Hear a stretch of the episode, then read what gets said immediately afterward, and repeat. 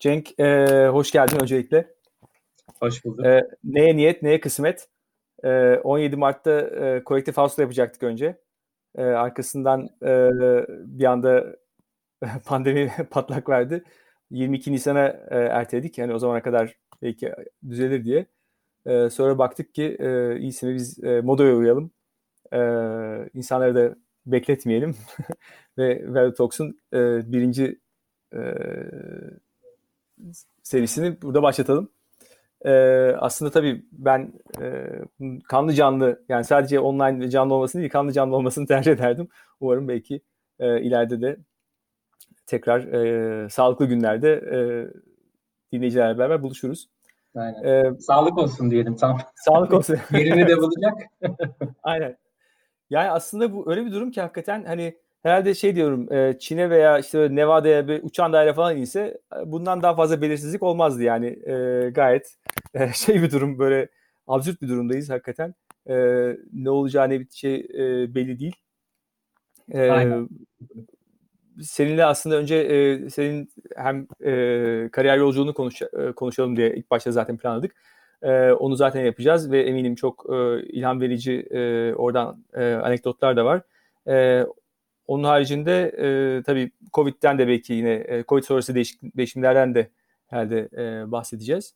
E, ve yine e, bugüne dair e, senin e, çalıştığın sektörlerdeki e, öngörülerini, e, tahminlerini de almak isteriz. Ben kısaca şöyle bir giriş yapayım istersen. E, 94 ODTÜ Makine'den e, mezun oldun. E, arkasından yine ODTÜ'de MBA yaptın. E, 97'de bitirdin, askere gittin, geldin çalışmaya başladın. E, oradan 2000 yılında Anadolu grubunda e, geçiyorsun. E, seninle tanışmamız da zaten işte 2003-2004 e, senesinde Sırbistan'da sen Efes Sırbistan'ın CFO'suyken başladı. Ve yani aslında bu bir saatlik bölümü sırf e, Sırbistan, oradaki şirketimiz bira Sırplardan bahsederek geçirebilirdik. Ama haksızlık olur. E, insanlar e, hiç oyalamayalım. Dijital konuşacağız dedik. E, zaten senin dijitaldeki kariyerin bile bir saate sığmaz. E, bir gitti gidiyordan başlayalım istersen. Gitti gidiyor. E, yani e, bir şekilde e, dünyada da e-ticaret 90'ların ikinci yarısında herhalde e, baş gösterdi, yani başladı. E, orada da e, hepsi burada yanılmıyorsam 98'de çıkıyor. E, gitti gidiyor da e, 2001'de kuruluyor. Yani e, ve sen 2007'de katıldın git, gitti gidiyor. Ee, ama o tarihte zaten ne Trendyol var ne N11 var. E, iPhone bile yok. iPhone bile aslında olmamış. E, yani mobil cihazların e, sonuçta şu, bugün çok etkili olan herhalde e-ticarette e, varlığı yok. E, senin geldiğin zaman durum nasıldı? E, gitti gidiyor da. Sen ne, neyle karşılaştın? Bahsedeyim Mezeciğim. Öncelikle çok Aha. teşekkürler ederim fırsat için. Sonrasında hani bütün katılımcılara tabii iyi akşamlar dilerim. Ee, umarım herkesin sağlığı yerindedir. Sevdiklerinin de sağlığı yerindedir ve umarım öyle kalır. Ee, bu dönemi biz atlatana kadar. Ee, yani valla evet bir kısmını sen söyledin. Ben gitti gidiyor'a geçtiğimde hani ben de ne kadar eski olduğunu ya da o dönemki dünyayı şöyle anlatıyorum genelde.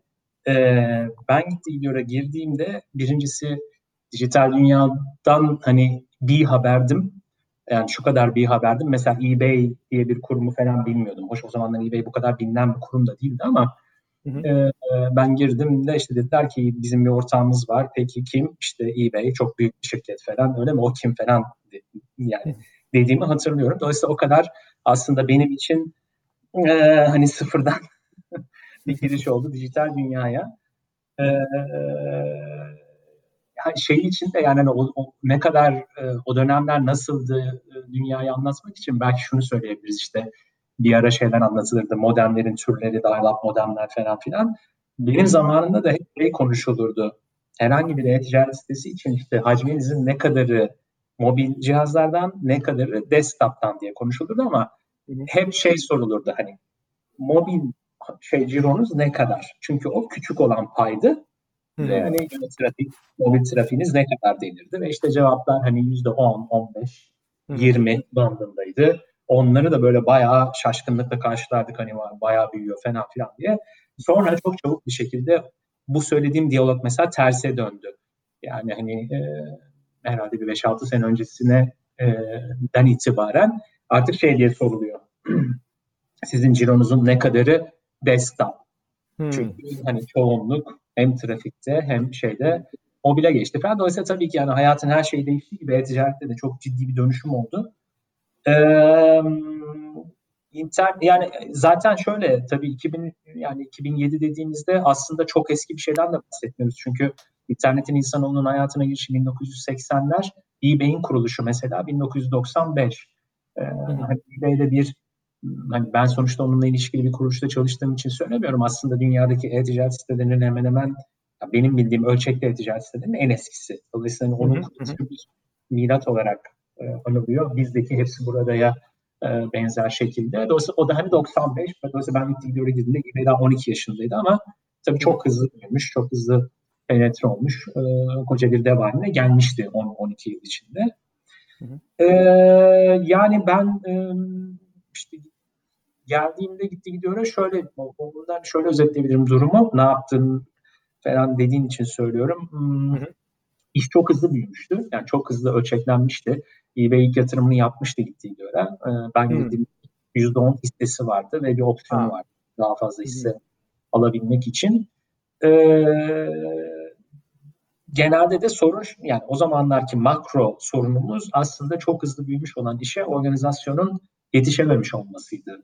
Yani yapılanma anlamında işte mesela product tarafında, ürün tarafında çok fazla işin birikmiş ama e, hani işe yetişecek hızda eritilemiyor olması. Çünkü yeterli bir ekibin, iş gücünün olmaması vesaire gibi hani böyle genelde organizasyonun e, hem işin gelmiş olduğu ölçüye göre yapılanması hem de işte bir sonraki aşamaya götürülmesi için e, ona göre organize olmasıyla çok vakit harcadığımı ya da işte bununla çok uğraştığımı hatırlıyorum yani o dönemde. Hatta ilk iki yıl falan tamamen bu, bu fokusta geçti diyebilirim yani. Hı hı. Peki yani e, şey merak ediyorum eBay gibi bir arkasında bir e, bir güç var ama e, tam manasıyla bir entegrasyon da belki söz konusu değil zaten. E, oradan belli bir know-how transferi veya orada belli şeylerin kullanılması, belli altyapıların veya işte e, modüllerin, yazılımların kullanılması e, mümkün değil mi? E, yani şöyle gittiği gözünde değildi. Çünkü eBay'in tabii sonuçta çok fazla yani 40 küsur ülkede faaldi şu anda sayıyı tam bilmiyorum ama e, dolayısıyla m, farklı farklı şeyleri var. Entegrasyon yöntemleri var. E, bazı ülkelerde kendisi kendi yazılımıyla bulunuyor. Bazı ülkelerde de Türkiye gibi hali hazırda var olan bir bir ürünü, bir bir siteyi koduyla vesairesiyle tüm işleyişiyle satın alıyor. Mesela İsveç Tradera vardı. O da bizim gibiydi.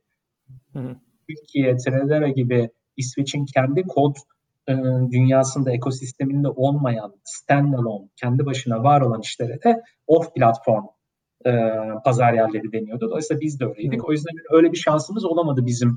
Hani eBay geldi, teknolojileri komple hani eBay'in teknolojilerine geçirelim falan gibi bir şansımız demeyeyim yani hani öyle bir ortamımız olmadı. Ee, dolayısıyla biz kendi yani o, o zamanlar geliştirilmiş olan kodun kodu de, geliştirmeye devam ederek yani eBay satın almasa ne yapacaktıysak aynılarını yapmaya devam ederek e, ilerledik hala da bugün de sonuçta gittiği diyor off platform e, kendi dünyasında product anlamında, ürün anlamında. E, ama tabii şunlar oldu yani e, know-how anlamında çok fazla e, bilgi paylaşımı oldu. Entegrasyon tabii ki oldu. Yani ürün tarafında, teknoloji tarafında çok değil. Ürün tarafında çok değil, teknoloji tarafında da oldu. Yani çünkü kullanılan işte server yapıları, onların güvenlik katmanları, işte mimariler vesaireler bunlar anlamında da entegre olmak gerekiyor böyle bir yapı satın aldığında. Ee, ama asıl entegrasyon tabii insan kaynakları, finans, e, raporlama, e, organizasyonel yapılanma e, vesaire gibi konularda daha ziyade oldu diyebilirim. Ha, sırf biz öğrenmedik bu arada. Onların da bizden e, aldığı, öğrendiği tabirini kullanmayayım. Yakışıksız olmasın ama hani bizden görüp dünyanın başka yerlerinde hayata geçirdiği şeyler oldu. Bir tanesi ödeme sistemleri.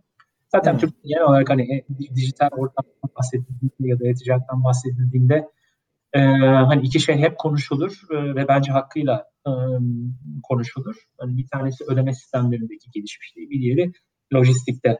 Hani bugün de e, bence Türkiye'nin işte bu bazı açılardan diğer ülkelere göre daha kolay, daha çabuk adapte olmuş olması ve belki yine bazı açılardan daha kolay e, geçiyor olması bu Covid döneminden lojistik yapımızın e, esnekliğiyle, adaptasyon kabiliyetiyle ve genel olarak e, iyi olmasıyla alakalı. E, mesela bunlar da aslında şey, e, kredi kartı kullanımı, ondan sonra taksit denen olgu. Mesela bunlar evet. e, eBay biraz Türkiye sayesinde tanıştı onu söyleyebilirim. Ya da ödeme tarafında basit ama etkili bir e, yöntemimiz var. İşte ürün e, yani bir, bir alıcı ürünü satın aldığında e, ödemeyi yapıyor ama ödeme satıcının hesabına gitmiyor. Ciddi dönüm bloke oluyor. Hı hı. Hesabına gidiyor. Orada bloke oluyor. Sonra işte alıcı ürünü aldığında ürünü onay verdiğinde satıcıya gidiyor falan. Bu bugün standart oldu ama o zamanlar şeydi. Yani o zamanlar biz bunu anlattığımızda eBay de e, çok şaşırmıştı. Çok enteresan bulmuştu falan. Şimdi tabii bir e, ödeme standardı haline geldi. Dolayısıyla mesela bunu Almanya'da adapte ettiklerini falan da biliyorum. E, dolayısıyla tabii ki daha çok bizim öğrendiğimiz ama bir takım şeyleri de e, onlara gösterdiğimiz bir şey, bir süreç yaşandı orada. Klasik klasik aslında nerede bir zorluk var orada bir bir keşif oluyor. Yani Türkiye'deki bu güven problemi herhalde sizin için bir issue oldu ve bunu halletmeniz gerekti bir şekilde. E, başka yerde belki bu kadar e, Tabii. corrupt bir şey olmadığı için e, belki e, bu çok öncelikli bir ihtiyaç olarak görünmüyor ama çok insani bir şey bir yandan da çok doğru. Tabii. Evet. Ya şöyle e, yani şimdi trust mesela konusu biz o zamanlar işte anketler yapıyorduk, fokus gruplar, kullanıcılarımızla konuşuyoruz falan. E, yani her hani birçok konuda olduğu gibi ilk duyduğunuz e, aslında konuyu tamamen anlamanıza yetmeyebiliyor. Yani güvenlendiğinde neye güvenmediğini kullanıcının anlamak gerekiyor. İşte kredi kartı bilgilerinin çalınmasından mı bahsediyor yoksa aslında istediği ürünün kendisine gelmeme ihtimalinden mi bahsediyor? Yani benim tabii şöyle hatıralarım da var. Yani birçok kullanıcı e, gitti gidiyor satılan bütün ürünleri e, gitti gidiyor kendisinin sattığını zannediyordu. Çünkü bize mesela şöyle çok mesaj gelirdi yani ben sizden 3 tane ürün aldım. Neden hepsini farklı günlerde yolluyorsunuz diye. Biz de onlara anlatmaya çalışıyorduk. Ya bizdeki şey böyle değil. Burası bir pazar yeri bir sürü satıcı var falan diye.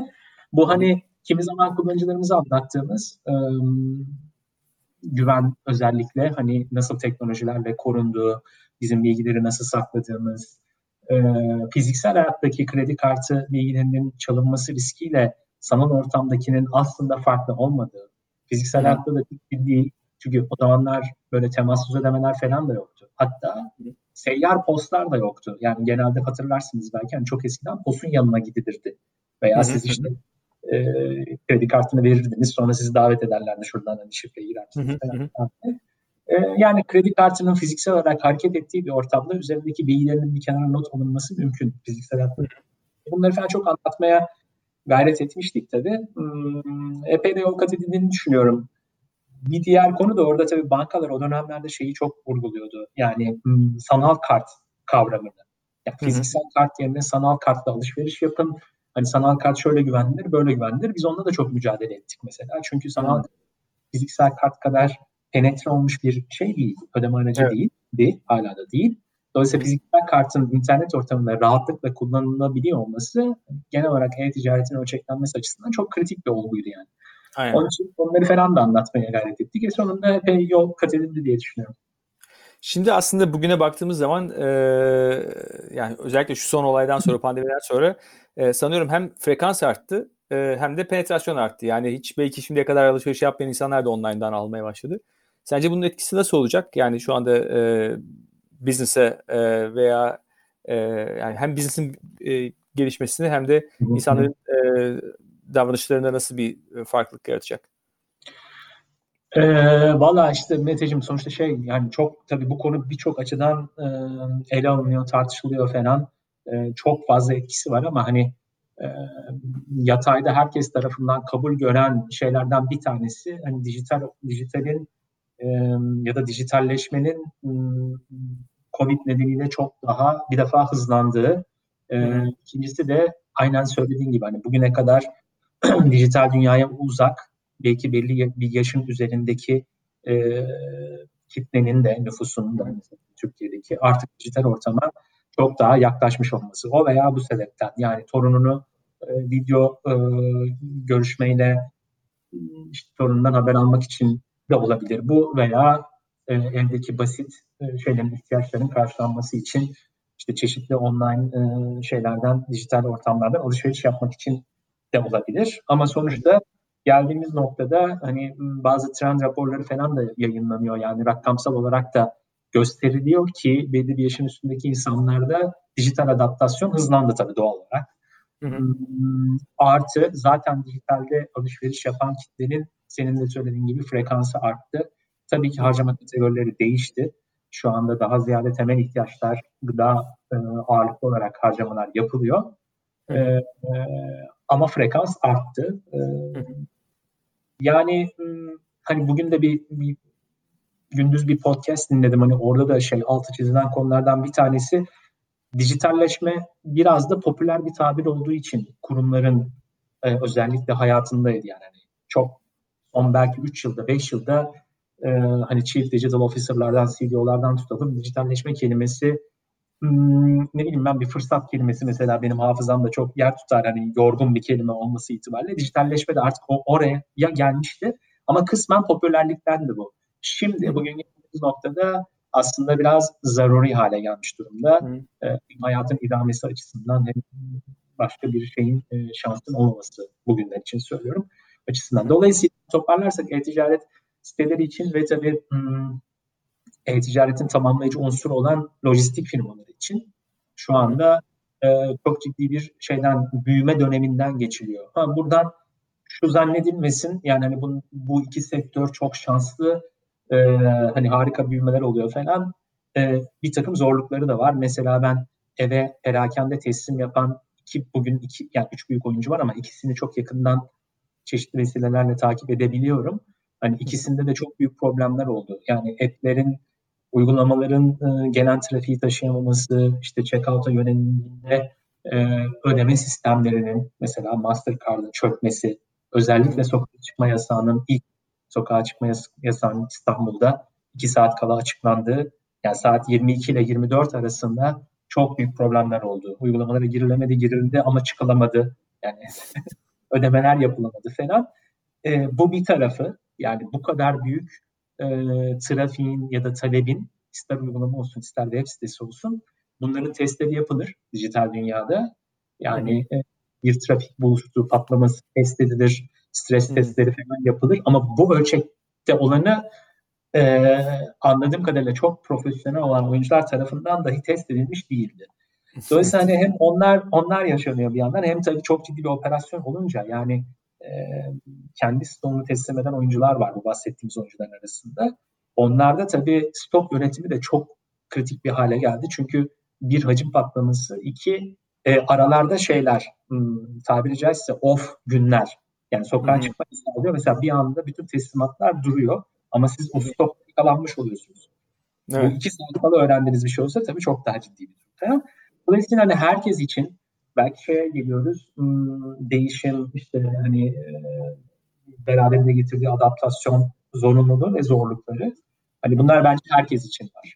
Ee, dijital taraftaki şans e, ticari tarafın iyi gidiyor olması. Evet. Ee, yani öyle bir şeyleri var onların. Anladım. Buradan e, bir dinleyicimiz Ömer Üzmez, e, ülkemizde özel bir bankanın kredi kartı müşterilerinin %40'ının Mart ayında ilk defa sanal postalarda kullanıldığı saptanmış. Diyor mesela yani e, evet. hakikaten e, bu e, kimsenin e, yani bu tarz e, double digit değişimler yani kimse iş hayatında oturmuş bizneslerde hiç e, rastlanmayan e, şeyler tabii. Aynen. E, aynen. Ya bir diğer evet bir diğer önemli konu da şu tabii. Şimdi bu bu tarz değişimler yani nasıl söyleyelim kısa süreli deneyimler e, genelde sonradan sıfırlanmıyor. Yani bu dönemde e, şartlar gereği sanal kosu deneyimlemiş, işte dijital e, alışverişi veya e-ticareti deneyimlemiş bir bir kullanıcının hmm, bu ortam yani eski hayatımıza döndüğümüzde inşallah bir süre sonra hani yeniden diyelim ki önceden e-ticaret hiç kullanmıyorduysa o veya bu sebepten yeniden o, o hale dönmesi pek olası değil. Dolayısıyla mutlaka bunun bir e, tortusu olacak. İster internet penetrasyonu anlamında ister e-ticaretin toplam ticaret içindeki payı anlamında mutlaka kalıcı bir etkisi olacaktır. Evet. Yani bütün zaten pazarlamada da promosyonların dayandığı temel şey bu değil midir? Yani e, bir davranış değişikliği e, yaratıp insanlarda onun kalıcı olmasını e, sağlamak veya ümit etmek mümkün olduğunca onu Aynen. desteklemek. Aynen. E, peki o zaman istersen Uzman TV'ye geçelim. Uzman TV de enteresan. E, YouTube e, yani Google'ın e, rakibi olarak görülüyor. Hani e, bu anlamda hani Uzman TV'de herhalde daha da uzmanlaşmış, daha da e, nasıl diyeyim e, güvenilir bir bilgi kaynağı olmayı planlayan bir e, şey herhalde bir kanal. E, Uzman Aynen. TV. E, oradaki deneyimin nasıldı? Ya şöyle bir defa Uzman TV'nin kurucusu Ersan Özer'i ben işte Gitti Gidiyor'daki döneminden tanıyorum. Yani şu kadar şahit oldum. Hani bir gün Ersan bir sabah ofise geldi. Ee, o zamanlar Gitti Gidiyor'un kurucu ortaklarıyla beraber e, yani hepsinin ortak olduğu bir şirket vardı. Ersan da onun yönetimindeydi. Başka bir takım işler yapıyordu. İşte Ankara.net, İstanbul.net, İzmir.net falan diye böyle bir dating e, siteleri kümesini yöneten bir şirketti bu. Ve hiç unutmuyorum yani o işte ilk dön ortaklarına falan dedi ki benim aklıma bir proje geldi dün. Ee, işte nedir falan sorduk. dedi ki böyle bir şey yapmak istiyorum. Yani ve hani sanırım kullandığı tabir yani hafızam beni unutmuyorsa görüntülü e, ansiklopedi ha, e, inanmıyorum. gibi bir şey söylemişti. İnanmıyorum. Hemen ben kendimi oraya görüntülü ansiklopedi diye not almışım. Ee, ya inanılır gibi değil hakikaten. Evet. Peki doğru. Bravo. çok iyi. Yani e, çünkü şey oydu. Yani tabii YouTube yani YouTube çok büyük ve hani şey yelpazesi çok geniş olan bir hem bir dev hem çeşitlilik anlamında çok geniş e, çok farklı vertical'ları bünyesinde barındırıyor falan. Yani YouTube olmaya çalışmıyorduk. Zaten hani o, o anlamda da görüntülü ansiklopedi önemli. Hani belki Wikipedia'nın e, evet. bir türevi gibi falan düşünülebilir ama içinde şeyler de var. Sonuçta hani deneyime yönelik de bir sürü şey var. Salt bilgiden öte. Yani işte diyorum gece uyandınız işte bebeğinizin dişi ağrıyor. Nasıl müdahale edilir? Ne yapılır? Evet. tutalım. İşte ideal sufle nasıl yapılır'a kadar. Dolayısıyla deneyim evet, odaklı da için Evde ee, çocukların erkek çocukların saçı nasıl kesilir diye şimdi video koymuşlar galiba. Yani e, tam o şeyi takip eden aslında. E, evet. takip eden. Şey, evet. Aha. evet. Yani o, o, çok enteresan bir projeydi. Sonuçta bildiğiniz bir e, prodüksiyon evi gibi düşünmek lazım herhalde. Yani zaten hani ekip de o şekildeydi. İşte bir çekim ekibimiz, bir montaj ekibimiz, işte editörler, ondan sonra e, yani bayağı böyle bir um, production house gibi çalışan bir işti bir defa yani. E, dolayısıyla benim de başta bayağı e, bir şeyi öğrenmem gerekti. Ama sonuç olarak hani ben e, Uzman TV'deyken yaklaşık 40 bin tane videomuz vardı. Yani premium bu şekilde üretilmiş çeşitli konularda işte 3 dakikalık, 4 dakikalık e, 40 bin video yani bayağı bir işlemek. Çünkü hani genelde bir çekime gidildiğinde hani 3, 5 bilemediniz 10 tane video çekilebiliyor bir seansta diyelim.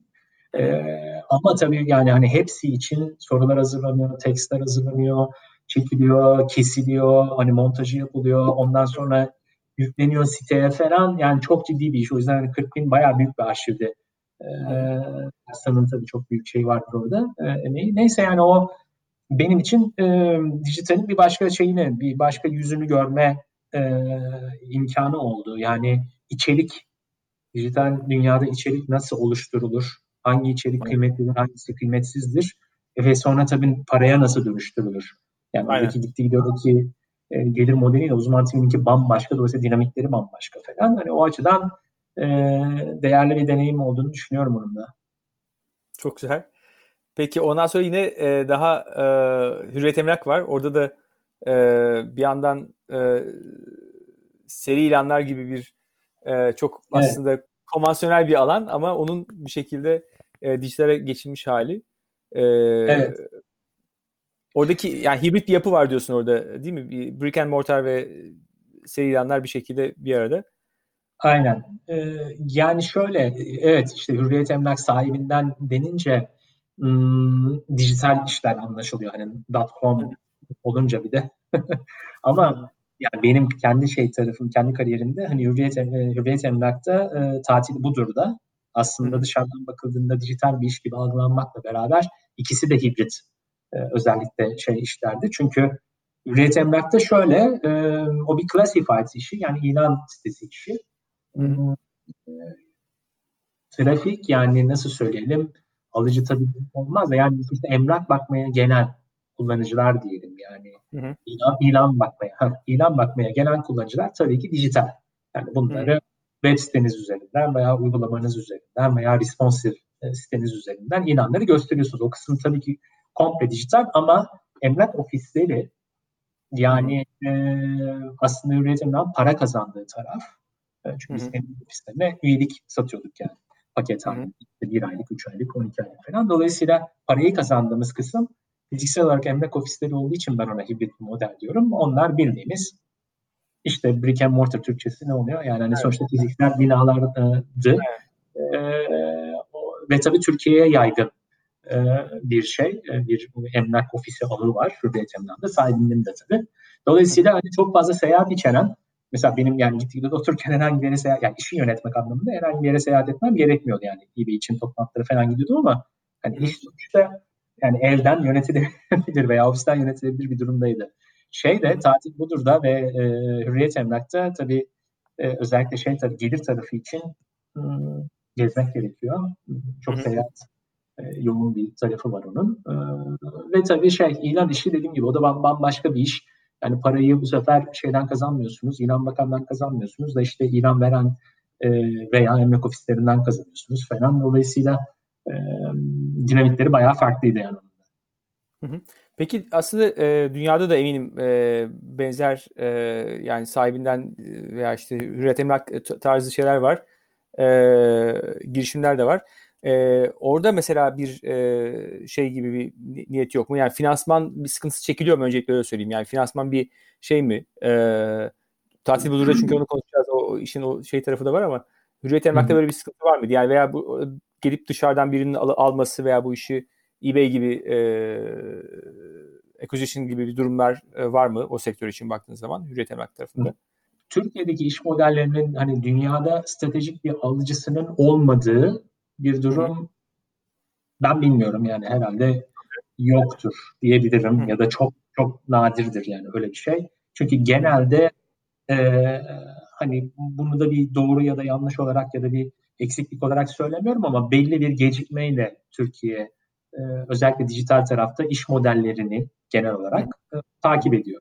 Sadece şey sadece iş modelleri değil aslında internetin penetrasyonu yani nüfusun ne kadarının internete eriştiği e, bunu bir böyle bir huni funnel approach gibi düşünürsek bütün metrikler aslında birbiriyle alakalı ve aşağıya doğru e, işte bir ilişki içerisinde hareket eden bir şeyin düzlemin üzerinde bütün metrikler. Tepesi de bunun, Huni'nin aslında internete erişimle e, yani bir tabii nüfusun büyüklüğü, sonra o nüfusun ne kadarının internete eriştiği, ondan sonra e, internet kullanımının e, hayata ne kadar penetre ettiğini konuşmaya başlıyorsunuz. O da aslında şöyle metriklerle söyleniyor. İşte mesela toplam ticaret hacminin ne kadarı dijitalde oluyor. Bu şu demek oluyor. İnternetin geneldeki yaşam e, yani life cycle'ı adaptasyon anlamında yaşam e, şey adaptasyonu şu şekilde oluyor. Genelde önce haber okumakla internet kullanımı başlıyor. Sonra Hı-hı. haberleşme ile e, yani bir e-mail kullanma e, bugünkü dünyada işte tabii türlü şey online chatler var falan çok değişti iletişim kanalları ama e, ondan sonra yani yani e-ticaret e, tabii ki bu şeyin bu adaptasyon eğrisinin sonlarında ya da ileriki aşamalarında var olan bir şey. E, bütün bu metriklere baktığımızda yani Türkiye e, özellikle Kuzey Amerika'nın sonra da Avrupa'nın e, belli bir gecikmeyle takipçisi olmuştur. Dolayısıyla da bir işi konuşurken e, stratejik oyuncu genelde dünyada zaten hani bu, bu veya benzer yani bir, hangi modeli konuşuyorsak o modeli e, veya benzerini başlatmış ve ölçeklenmiş oluyor. E, evet. Hemen hemen her işte böyle. Yani bugün Hı-hı. perakende lojistik işleri yapan popüler üç büyük uygulamadan da bahsetsek bu böyle. Classified işlerinden Türkiye'deki sahibinden üretim bakımından isimlerini aldık zaten. E, onlar için de böyle uzman TV için de böyle e, işte git gidiyor için de öyle falan yani hepsinin var. Dolayısıyla üretim için de vardı. E, Hakeza e, tatil budur için de tabii ki vardı. Hatta yani e, bir takım şeyler aslında hani e, bir görüşmelerde oluyordu yani hani doğru söylemek gerekirse. E, böyle yani hani hepsinin şey var ama Hürriyet Emlak hani oraya dönecek olursam hani ben oradayken öyle bir şey olmadı. Çünkü zaten hani o e, Doğan grubunun e, daha farklı yani o zamanlar Hürriyet bünyesinin ben oradaki Hürriyet bünyesinin altında bir bir iş bir Hürriyet. Daha sonra ayrı bir şirket haline geldi ve çok aslında çok üzerine titrenilen e, hatta hani gazetenin kendisi kadar artık hani Doğan'la da ilişiği kalmadığı için Hürriyet gazetesinin hani rahat konuşabilirim belki o, o manada. Hani gazeteden daha değerli olabileceği düşünülen bir bir işte o. E, hala da öyle olduğunu tahmin ediyorum. Çünkü satılmadı. Yani Hürriyet, Hürriyet devroldu ama Hürriyet'e konmadı. Dolayısıyla o e, şey yani dünyadaki en eski modellerden biridir. Classifieds veya İran e, sitesi işleri. E, ama hala geçerliliğini çok güzel koruyan, e, çok geçerli e, gibi işlerden, iş modellerinden biri işlerdi. Yani bir şekilde buradaki e, belli bir maturity'ye e, ulaşması gerektiğini düşünüyorsun öyle mi? Yani e, dışarıdan böyle bunlara da bilgi olması açısından olması için e, belli bir maturity'ye ulaşmaları mı gerekiyor? Ee, ya şöyle e, Mete o yani hani bir kural olarak değil yazılı bir kural, kural olarak değil ama işleyiş olarak pratikte galiba ona geliyor. Çünkü hani büyük oyuncular genelde hmm, bir satın almaya bakmadan, inorganik bir büyümeye bakmadan önce e, nasıl söyleyeyim bazı böyle checklist gibi bir takım sorgulamalar yapıyorlar ve bunlar da çoğu zaman şeyde oluyor. Belli bir ölçüye kavuşmuş olması olabiliyor veya bir fon bir fonun yatırım yapmasından bahsediyorsak onlarda bayağı rakamsal olarak bir değer olabiliyor. Mesela diyor ki biz 100 milyon dolar değerlemenin altındaki şirketlerle ilgilenmiyoruz. Bu fon Hı. öyle bir fon değil.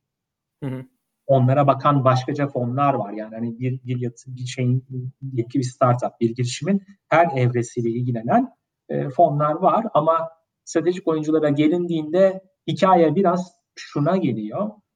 Örnek vereyim. Mesela eBay gitti gidiyor deal'ındaki bana sorarsan en büyük şey neydi? Kaldıraç neydi? Yani eBay açısından bakıldığında. Bence rakamlar açısından Türkiye fark edilmeyecek kadar küçüktü eBay'in toplam büyüklüğü içinde. Oralardaki hikaye şuna geliyor. İşte bir başka ülkeye daha girmiş olma. Yani. Türkiye'de ayak izinin olması hani çevirirsek. Ee, ve genelde e, küçük olan oyuncular baz etkisiyle daha yüksek büyüme oranları üretebiliyorlar yüzdesel anlamda. Bu stratejik oyuncular için yine hmm, yanlış anlaşılmasın ama bir talking point yani bir e, hikaye ol- olabiliyor. Çünkü aynen, aynen. Yani illa mutlak değer rakamlardan konuşmuyorsunuz. Yüzdelerden konuşuyorsunuz ve yüzdeler çok şey olabiliyor. İşte açıcı veya göze hoş görünen şekilde oluyor. Çünkü eBay'in geldiği bazda mesela yüzde yedi, sekiz, onlar büyüme, yıldan yıla büyümelerden bahsediyor. Yani double digit büyüme çok kutlanısı bir şey. E şimdi Tabii. siz öyle bir oyuncuya gidip yani öyle bir oyuncu ya da bir satın alma yapıp ben yeni bir ülkeye girdim burada yüzde 40 büyüyorum, 50 büyüyorum dediğinde mutlak değerler biraz önemsizleşebiliyor. Çok ilginç evet. olabilir. Dolayısıyla şey hmm, hani stratejik oyuncularda e, bu daha ön plana çıkabiliyor. E, artık o biraz da şey meselesi. Yani biz ona Stars Were Aligned diyorduk yani yıldızlar dizildi diye. Çünkü hakikaten çok fazla şeyin bir araya gelmesi gerekiyor. E, bir şey stratejik oyun ya da bir yatırımın herhangi bir yatırımın e, bir şeyle bir girişimle buluşması için çok şeyin bir araya gelmesi gerekiyor. Onlar bir araya gelirse olabiliyor yani küçük büyük e, çok da önemli olmayabilir.